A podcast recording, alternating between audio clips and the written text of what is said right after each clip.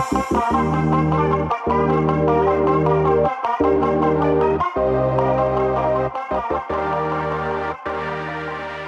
hey hey welcome to Hot Tea Fantasy Podcast. За манайхаа юу яцгаана? Hot Tea Fantasy-гийн үлрэлийн сүүлийн дугаар эхлэхэд бэлэн болоод байна. За шүн олсон тоглолтыг манайхан бүгдээрээ үзсэн бах. Монголчууд маш их үдчихлээ. Элегийн хоёр багийн тоглолт үнэхээр гоё тоглолт гарлаа. Тэгээд Lakers сүүлийн хоёр тоглолтонд нөгөө Staten буюу одоо мэдэгдэл хийсэн маш хүчтэй хоёр тоглолтыг хийлээ. LeBron гэдэг тоглогч 17 дугаар үлрэлдээ 35 наснда ямар амар дээд түвшний тоглолт үзүүлж байгаа гэдэг бол үнэхээр гайхалтай. Өнгөрсөн 7 хоногийн үед бол нэг Либоноор амьсгалсан ийм нэг 7 хоног бас болж өнгөрлөө. За тэгээд шөн 3:30-аас тоглолт үзээгүй ер нь нэлээд удсан байна. Шөн бас тоглолт үзээд өглөө бас ажилтаа байсан. Тэгээд өнөөдөр яг нэг юм зомби шиг юм явж байна. Тэгээд зарим зүйл дээр бас сон сон юм ярьж магадгүй шүү гэдгийг бас эхлээд хэлье гэж бодож байна. За тэгээд мэдээж 21-р 7 хоног эхлэх гэж байна.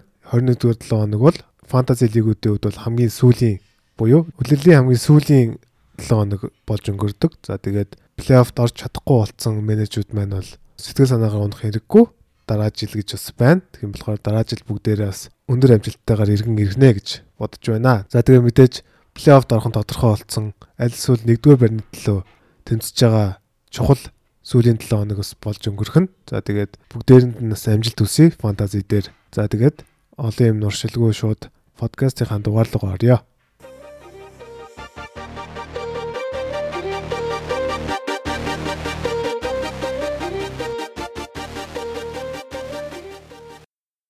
За тэгээд мэдээж партнерээр лигийн иргэн тойронд болсон сонирхолтой мэдээ мэдээлэл болон гэрэл хүртлийн мэдээлэл фантазид хэрэг болохоор ийм мэдээллийг хүргэдэг байгаа.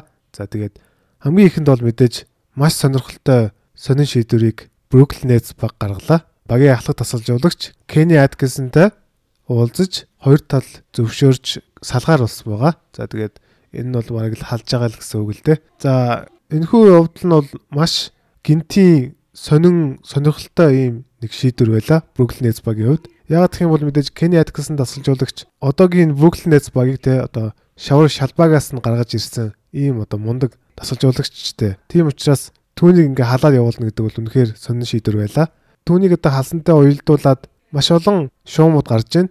За хамгийн одоо том шуум нь бол мэдээж Кайри ер нь бол Кени Аткинсон халуулахад хамгийн одоо том оролцсон гэдэг ийм нэг э, шуум гарлаа. За тэгээд түүний хувьд болохоор Кени Аткинсон биш Тайрон Лог илүүд үдж байгаа гэдэг ийм мэдээллийг олон нийтэд затсан байна. За энэ нь бол баг хамаагдгүй хамгийн үнэнд өгөх шуум байх гэж бодож байна. Яг гэх юм бол мэдээж Кайри Орвин гэдэг ийм эго томтой эмо тоглогчийн хувьд бол Кени Атксон дасалжуулагчийн арга барил нь тохирохгүй байж магадгүй. Тийм учраас өмнө нь одоо дассан тий. Таярнлуу бол яг үнэндээ бол Кайриг бол хамгийн сайн тоглуулсан дасалжуулагчтэй. Тийм учраас түүнийг одоо хүссэнд бол гайх зүйл байхгүй байх гэж өвдө бодож байна.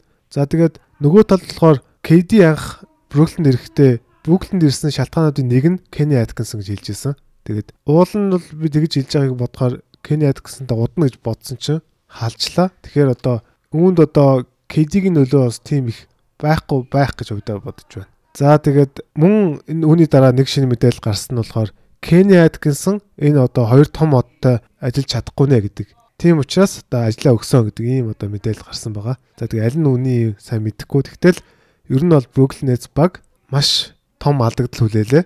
За одоо түүний орыг болохоор Jack Vaughn гэдэг нөгөө туслах тасалжуулагч нь авсан байгаа. За Тэгээ улирал дуусаад одоо тайрнал рүүгөө явах гэж өвдө бодож байна. Гэхдээ одоо тайрнал рүүгөөс илүү дасалжуулагч олно гэдэг бол одоогийн сайн дасалжуулагч эрэлттэй байгаа. Тэгээ зах зээл дээр байхгүй үед бол тайрнал рүүгөөс илүү дасалжуулагч олно гэдэг бол үнэхээр хэцүү. Хэрвээ одоо тайрнал руу авахгүй бол мэдээж одоо хамгийн гол яригдах нэр нь бол Марк Джексон, Стевен Ганди тэр гэж өвдө бодож байна. Гэхдээ тайрналуудтай ер нь баг тохирчоод ойлголцсон байх гэж бодож байгаа учраас Кени Аткинсон халсан баха. За миний хувьд бол Kenny Atkinson алдсан нь маш буруу шийдвэр байсан гэдэг. За үүнийг яга ярьж байна вэ гэхээр фэнтези дээр бол баг зэрэг өөрчлөлт гарна гэж өвдө бодоод байна. Ягаад гэх юм бол Kenny Atkinson дасгалжуулагчийн хувьд илүү өнгөрсөн жилийн бүрэлдэхүүндээ илүү одоо найдаад байх шиг харагдаадсан. Илүү одоо залуучуудаа тоглуулдаг ч юм уу. Илүү одоо тэр систем рүүгээ явж исэн бол энэ одоо Jack Vaughn гэдэг дасгалжуулагч магадгүй одоо Jared Allen, минутыг нь маш их багасгаад Дэндэ Жордан 30-аас дээш минут тоглуулж магадгүй бас ийм нөхцөл байдал үүсэж байгаа. Тийм учраас би өвдөө бол Дэндэ Жордан гих зэрэг одоо ахмад тоглогчдод илүү одоо боломж нээгдэж магадгүй. Харин эсэргээрээ Jared Allen ч юм уу залуу тоглогч нарт баг зэрэг халтай ийм одоо шийдвэр байсан байх гэж өвдөө бодож байна. Тийм учраас Brooklyn Nets багийг ер нь одоос ажиглая. Тэгээд магадгүй ротейшны өөрчлөлтүүд орж эхлэх байхаа гэж өвдөө бодоод энэхүү одоо мэдээллийг сүргсэн байгаа. За дараагийн нэг мэдээ байгаа нь Minnesota Timberwolves багийн бүх одод тоглогч Karl Anthony Towns-ийн хувьд бугуугаар гэмтээгээд одоо бараг 2 3 7 хоног өнчлөө. За тэгээд өнгөрсөн 7 хоногт гарсан шинэ мэдээллээр бол түүнийг дахиад доотлол нь 2 7 хоног өнжинө гэсэн ийм одоо мэдээлэл өгсөн байгаа. За тэгээд Minnesota Timberwolves багийн зүгээс болохоор Катиг яг хагалгаа хийлгээд бүр out of season болгочоог байгаа. Тэгвэл түүнийг одоо удирдлан дууссан байх магадлал бол нэлээд өндөр гэж мэрэгчлүүд хараад байгаа юм байна лээ. Гэтэ миний хувьд ч баг баг дууссан байх гэж хувьдаа бодоод байгаа. За түүний нэг эргзүүлсэн юм болохоор өөрөө болохоор маш их хэрхийг өсөж байгаа гэдэг ийм одоо мэдээлэл гарцсан байгаа. Тийм учраас бас магадгүй улирлын одоо сүүлийн 7 хоног ч юм уу тэрний өмнөх 7 хоног те сүүлийн 2 7 хоногт ирчих магадлал бас байгаа гэж хувьдаа бодож байна. Тэгвэл ер нь бол одоо удирдал нь баг дуусж байгаа ч юм уу аль эсвэл фэнтези плей-офф амжилтгүй байх магадлал өндөр болвол катыг хацаад өөр хүн авчихад бол буруудахгүй байхаа гэж хөдөө бодож байна. Гэхдээ шинэ мэдээ гарахын юуцэн хүлээ. Магадгүй катын удирдал нь дууссан байхаа гэж бодож байна. За тэгээ мэдээж катыг одоо эзгүүд бол Назред, Джеймс Джонсон, Хуанч Эрнан Гомес гурав бол үнэхээр сайн тоглож байгаа. За мэдээж бас Малик Бизли бол үнэхээр солиотой гой тоглогчийг авцсан гэдгээс харуулж байна.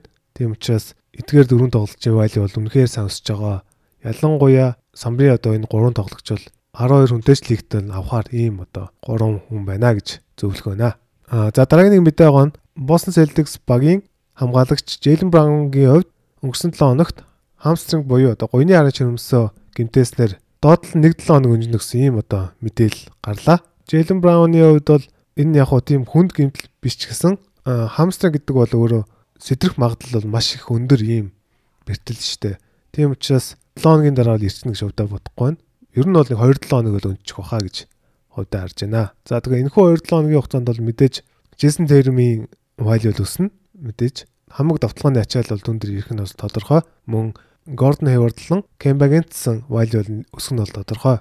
За тэгээд түүний эзгүүд болохоор Маркус Смарт бол гараанд гарна. За Маркус Смартын вайль бол хамгийн өсөж байгаа тамирчин бол үнэхээр болно. Сэлгэнээс болохоор одоо Семи Ожилей болон Брэд Wanamaker Тэгээ мөн Грант Уильямсийн минутаас баг зэрэг өсөх байх гэж хувьдаа харж байна. За тийм учраас мэдээж Маркус Смартны вайлюл хамгийн өсөж байгаа.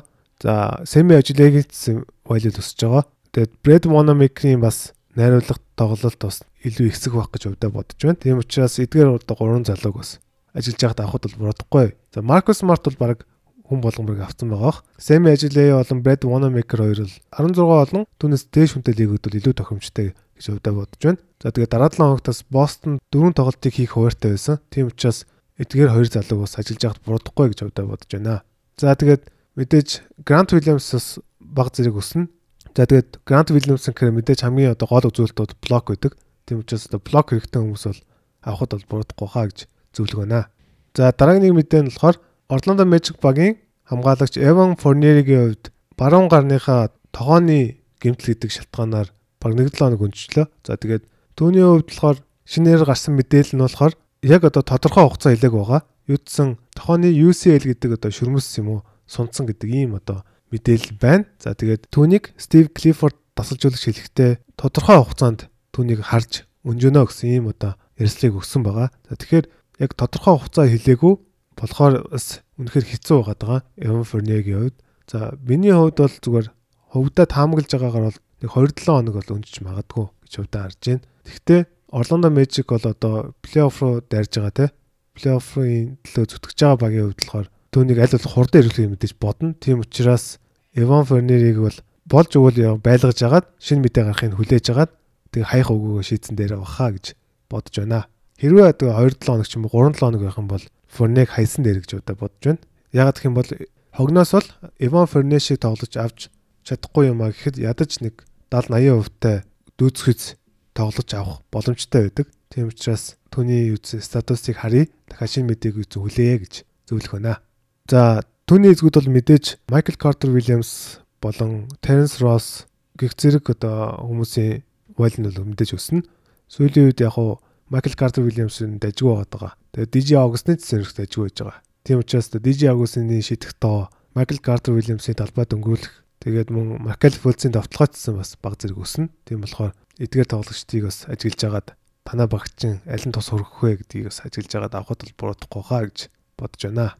За мөн гэмтэл хүртлийн мэдээ байгаа нь Detroit Business Bag-ийн холбогч Derek Rose-ийн хувьд баруун шагаагаа гэмтээснээр талбайг чөлөөлсөн байгаа. За тэгээд түүний дараа MRI зураг авахгүйсэн чинь одоо негатив буюу сөрөг гарсан байгаа. Тэгвэл түүний хувьд бол энэхүү бертлээс бол 100 эргэж хийж чадна гэсэн юм одоо мэдээлэл гарсан ч гэсэн түүний одоо эргэж ирэх хугацаа нь хэдэн 7 хоног гэдэг ийм одоо хугацаа гарлаа. Тэгэхээр энэ нь болохоор одоо доод нь 2 7 хоног те. Тэгээд тэрнээс дээшээ хугацаа байна гэж хувьдаа харж байна. За тэгээд мэдээж Derek Rose-тэй хүмүүсийн хувьд бол маш хэцүү ийм цаг үе ирж байна. Яг гэх юм бол хэдэн 7 хоног гэдэг бол маш аюултай юм энэ үлэлдэ ирэхгүй ч бах юм магадaltaй гэж харагдаж байгаа учраас түүнийг хайдсан дээр баха гэж удаа бодож байна. За тэгээд Derek Rose-ийн гэмтлээс шалтгаалаад мэдээж да Bruce Brown Jr.-ийн value бол үнэхээр их өсөж байгаа. За тэгээд мэдээж мөн Brandon Knight-ийн бас тоглоом мэд өсөж байгаа. Value нь бол нэлээд өсөж байгаа. Маш сайн тоглож байгаа. Тийм учраас энэ хоёр тоглогчийн value өсөж байгаа. За тэгээд Derek Rose-ийг алдсны дараа чөлөөтэй гантаас Jordan McRae авсан байгаа. Тэгээд Jordan McRae авснаар бол илүү одоо урд чугамны тоглогч нэгэ нэмгэж байгаа гэсэн үг. Тэгээд түүний хувьд их дажгүй тоглож байгаа. Ер нь нэг 14 болон түүнээс дээш хүнтэй лигүүд бол авчихад буруудахгүй юм. Одоо сонголт байна. За мэдээж Bruce Brown болон Brandon Knight хоёр бол мэдээж 14 болон түүнээс дээш хүнтэй лигүүд бол авах хэвээр юм одоо хоёр тоглогч байна. За тэгээд мөн Luke Kennard-ийн хувьд ер нь эрэх төгсөж байгаа. Тийм учраас бас хэрвээ одоо Luke Kennard ирчих юм бол бас нэлээд амжилттай бас сайн тоглох байхаа гэж хөвдө бодож байна. За дараагийн мэдээ нь болохоор San Antonio Spurs багийн төвөнд тоглогч Lamarcus Aldridge-ийн хувьд баруун мөрөндөө гэмтэл авснаар одоо 2-7 хоног өнжөөд байгаа. Тэгээд сүүлд авсан мэдээлэлээр болохоор бэлтгэл дээрээ Matt Bonner-тэй цуг бэлтгэл хийж байхдаа дахиад одоо тэрхүү бэртлээ сэдрээцэн гэдэг ийм мэдээ гарлаа. За тэгээд хэрвээ одоо тэрхүү одоо бэртлэн сэдрээд дахиад тоглох боломжгүй болцсон бол үнэхээр аюултай болж байна. Lamarcus Aldridge-ийн хувьд улирлан дуусах магадлал бол нэлээд өндөр болчлоо гэж үүдээ харж байна. Яг гэх юм бол дахиад бертлээс идрээсэн учраас за юудсан яг уу Сантны Спurs багийн зүгээс болохоор ерөөсө тодорхой хугацаа хэлэхгүй байгаа. Дараагийн тоглолтын үнжин дараагийн тоглолтын үнжин гэсэн ийм одоо мэдээлэлүүд гараад байгаа учраас яг хэлэхэд бол хэцүү байна. Гэхдээ Ламакос Алдричтэй менежүүдийн хувьд бол жоохон хүндхэн ийм одоо мэдээ гарлаа шүү гэдгийг хэлмээр байна. За мэдээж Алдричийн эзгүүд бол Рудигэ болон Trail Isles хоёрын value бол үнэхээр өсөж байгаа. Ялангуяа Trail Isles бол сүүлийн тоглолтуудыг бол үнэхээр сайн тоглож байгаа. Тийм учраас түүнийг одоо 14 болон түүнээс дээш хүнтэй лигүүд бол заавал авах тоглогч шүү гэдгийг хэлмээр байна. За дараагийн нэг мэдээ нь болохоор Indiana Pacers багийн холбогч Malcolm Brogdon-ийн хувьд зүүн гуйныхаа шөрмөсийг одоо тасалсан гэдэг ийм одоо мэдээлэл гарлаа.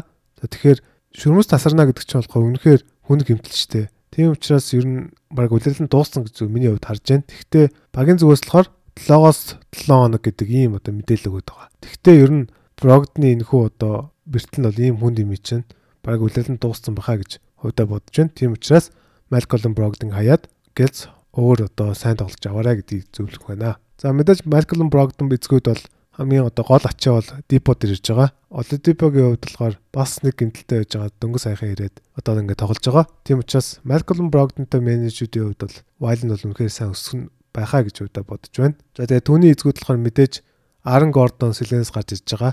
Тэгээд сүүлийн үед сүүлийн тоглолтууд бол бас үнэхээр сайн тоглож илээ. Тийм учраас Аарон Гордон 14 болон түүнээс дээш үнэлгээгүүд бол авахд бол буруудахгүй гэдгийг хэлмээр байна. За дараагийн нэг мэдээ нь болохоор Milwaukee Bucks багийн суперстар Янас Антетокумпогийн хувьд Lakers-тэй хийсэн тоглолтод манайхан бүгдээрээ үдсэн баг. Унахтаа нэг 100 өвдгөө нэг эвгүй болгосон шүү дээ. Тэгээд яг тухайн тоглолтод эргээд тоглолтон ч гэсэн дахиж одоо MRI зураг авахгүйсэн маргааш нь. Тэгтээ тэр нь тийм хүнд гэмтэл гэж гарсангүй баг зэргийн өвдөгний гэмтэл гэж гарлаа. Тэгээд дараагийн хоёр тоглолтыг доотлол өнжнө гэсэн ийм одоо мэдээлэл гарсан байгаа. За тэгээд 7 хоногийн сүүлээр дахиж үзүүлээд одоо экзэ тоглохоо шийднэ гэсэн ийм одоо мэдээлэл гарсан. За тэгэхээр мэдээж хоёр тоглолтыг үүссэн өнжин. Ер нь яг энэ энэ 7 хоног буюу одоо 21 дугаар 7 хоногийг ер нь баг өнчих баха гэж бодож байна. Гэхдээ 22 дугаар 7 хоногоос түүний хувьд бол MVP-ийнхээ тоглолтыг буцаагаад гаргах баха гэж бодож байна. Түүний зүйл болохоор мэдээж багийн одоо 2 дахь 3 дахь лидер болох Крис Миддлтон болон Эрик Блэцогийн value бол өсөж таарах нь. Тийм учраас тэр хоёр байгаа менежерүүдийн хувьд бол азтай нэг 7 хоногос болж өнгөрөх нэ. За Антетокомпогийн гимтлээ шалтгаал хамгийн одоо валь нөсөж байгаа тамирчин бол Дондо Девинчензо гэж өвдөөраад байгаа. Дондо Девинчензог нэлээд олон минут ашиглах байх гэж өвдө бодож байна. Хэрвээ Антетокомпо байхгүй бол 30-аас дээш минутыг баг түүний хувьд бол тоглох байхаа гэж өвдө бодож байна. За мөн Пад Конотон мөн нэлээд бас валь нөснө гэж өвдө бодож байна. За дараагийн нэг мэдэн болохоор Memphis Grizzlies багийн төвийн тоглогч Jaren Jackson Jr-ийн хувьд дараа 7 хоног буюу одоо энэ 7 хоногоос баг ирчих байх гэдэг ийм одоо мэдээлэл гарлаа. Юу ч одоо энэ 7 хоногийн дундуур дахиж үзүүлээд яг хизээ гарахаа шийднэ гэсэн ийм одоо мэдээлэл гарсан байгаа.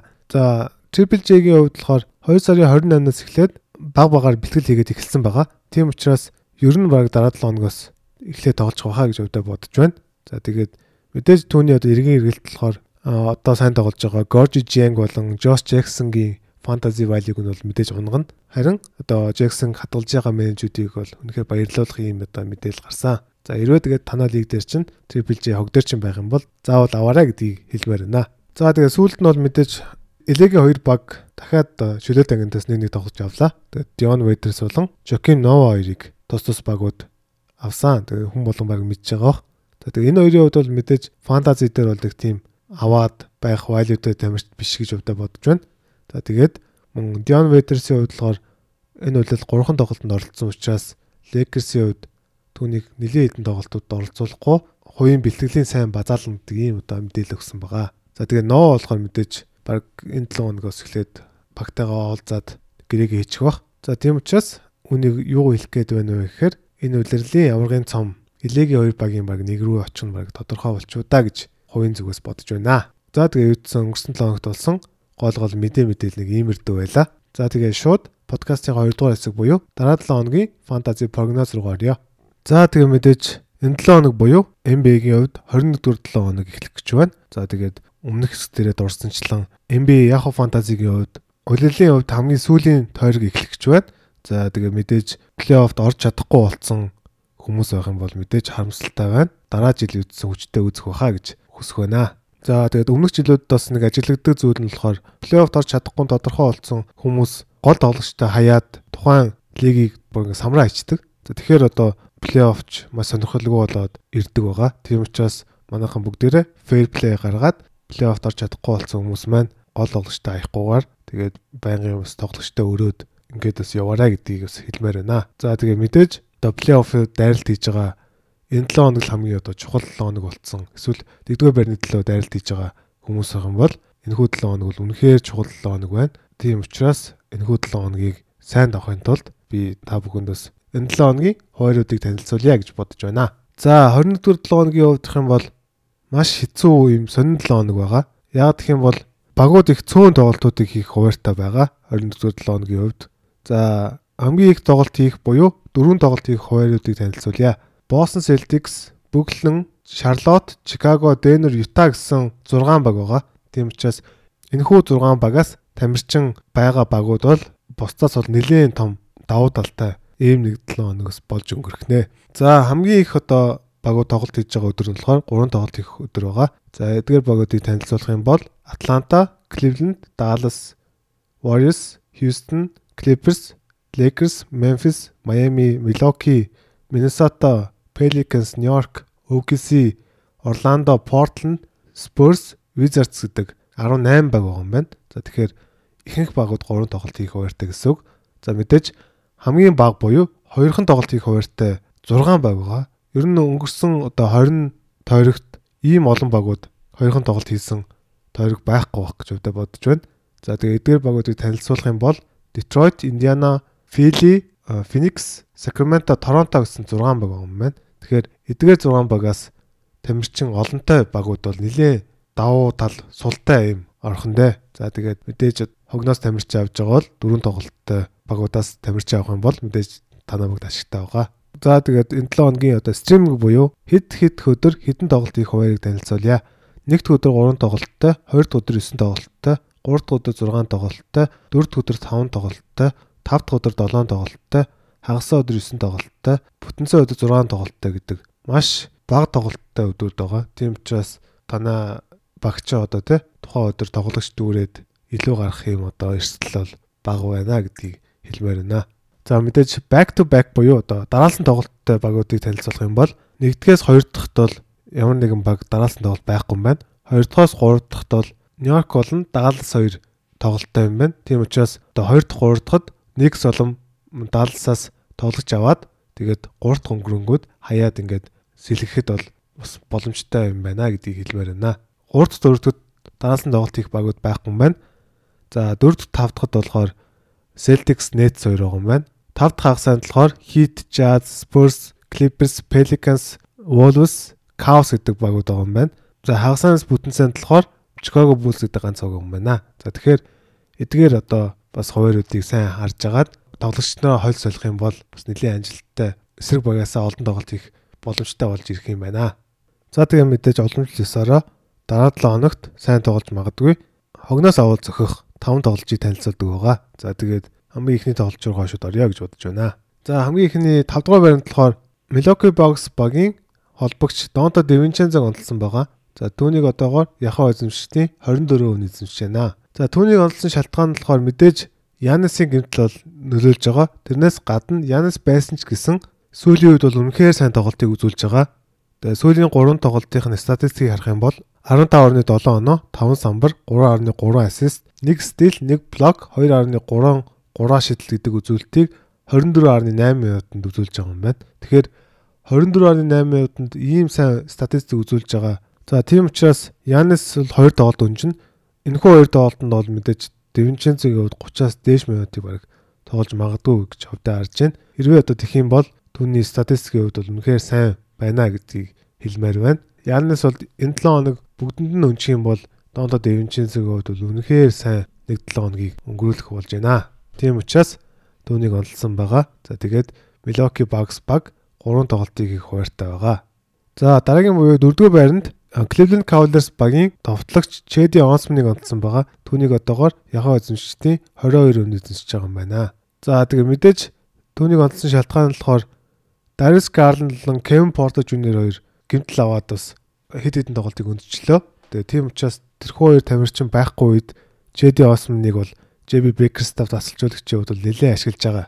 Тийм учраас түүнийг онцлсан байгаа. Сүүлийн 3 тоглолтын статистикийг харах юм бол 15.7 оноо, 4.3 самбар, 1.7 ассист, 1.3 стил, 3.3 3 шидэлт гэдэг үзүүлэлтүүдийг үзүүлж байгаа юм байна. Тэгэхээр энэ үзүүлэлт бол үнэхээр сайн үзүүлэлтүүд гэж удаа бодож байна. Тэгээ мэдээж түүнийг Bickerstaff тасалжуулагчид сүүлийн тоглолтын дараа нэлээ магтаж ярьсан байсан. Түүний хувьд улам хөгжих боломж байна. Түүний одоо хязгаар нь бол болоогүй байна гэдэг ийм одоо ярилцлагыг өгсөн байгаа. Тийм учраас хувьда Darius Garland болон Cam Porter Jr байхгүй үед бол JD Osman-ыг бол Bickerstaff тасалжуулагч бол нэлээд ашиглах байх гэж хувьда бодож байна. Ер нь баг 30-аас дээш минутыг бол ашиглана гэж хувьда харж байна. Тийм учраас JD Osman энэ 7 хоногт бол заавал авах тамирчаан гэдгийг хэлмээр байна. Тэгээ мэдээж Cavaliers-ийн хувьд болохоор энэ 7 хоногт 3 тоглолт хийх хуваартай байгаа.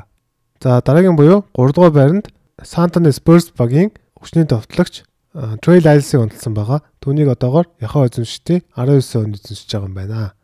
За Lyles-ыг онцлсан шалтгаан нь бол мэдээж ойлгомжтой. Lamarcus Aldridge-ийн гэмтэл байгаа.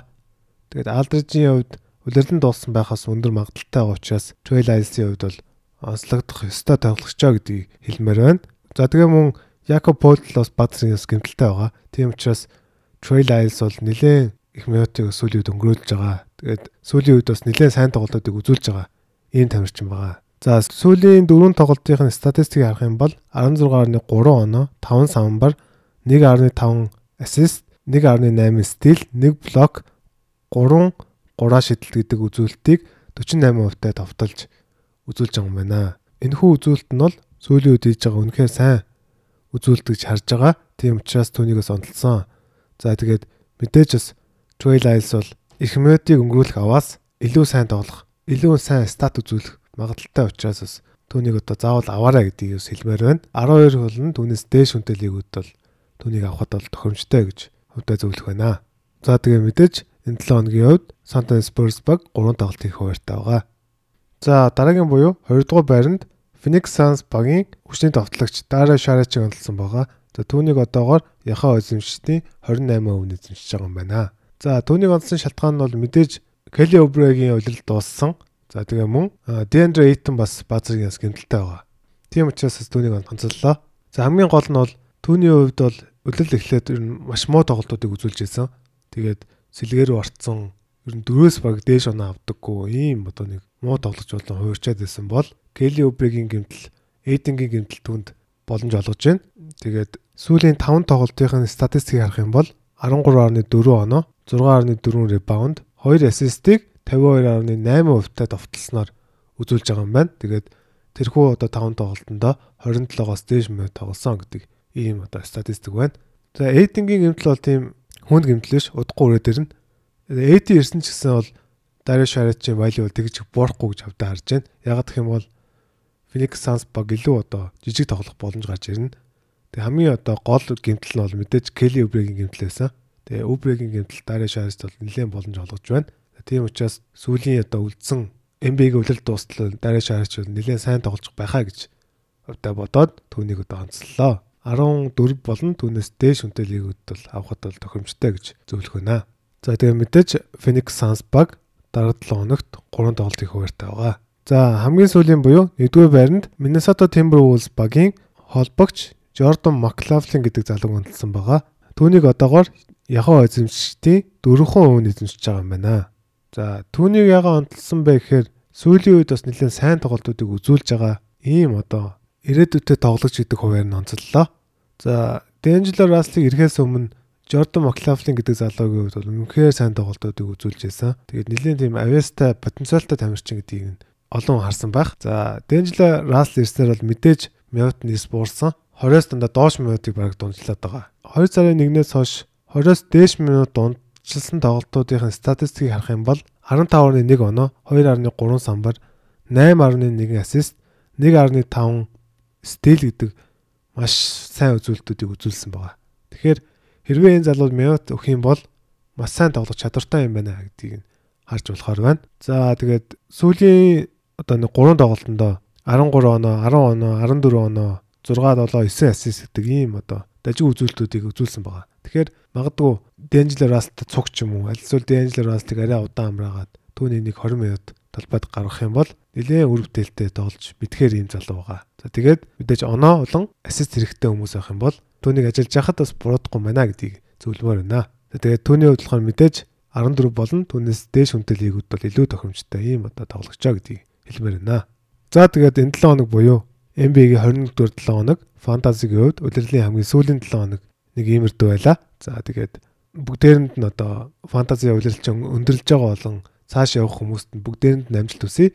Бүгдээрээ бас зорьсон амжилтандаа хүрээрээ гэдгийг бас хэлмээр байна. За тэгээд мэдээж манай Hot Fantasy подкастн дээр маань рейтинг өгдөг Apple Podcast ч юм уу иймэрдүү газрууд маань сайн рейтинг өгч туслаарай. За тэгээд YouTube сувган дээр маань бас subscribe дараарай. Гой гой контент оруулж явах болно. Подкастаас гадна За тэгээ мэдээж дараа 7 өнөөгийнхөө подкастынхаа дугаараар уулзтлаа. Түр баяртай.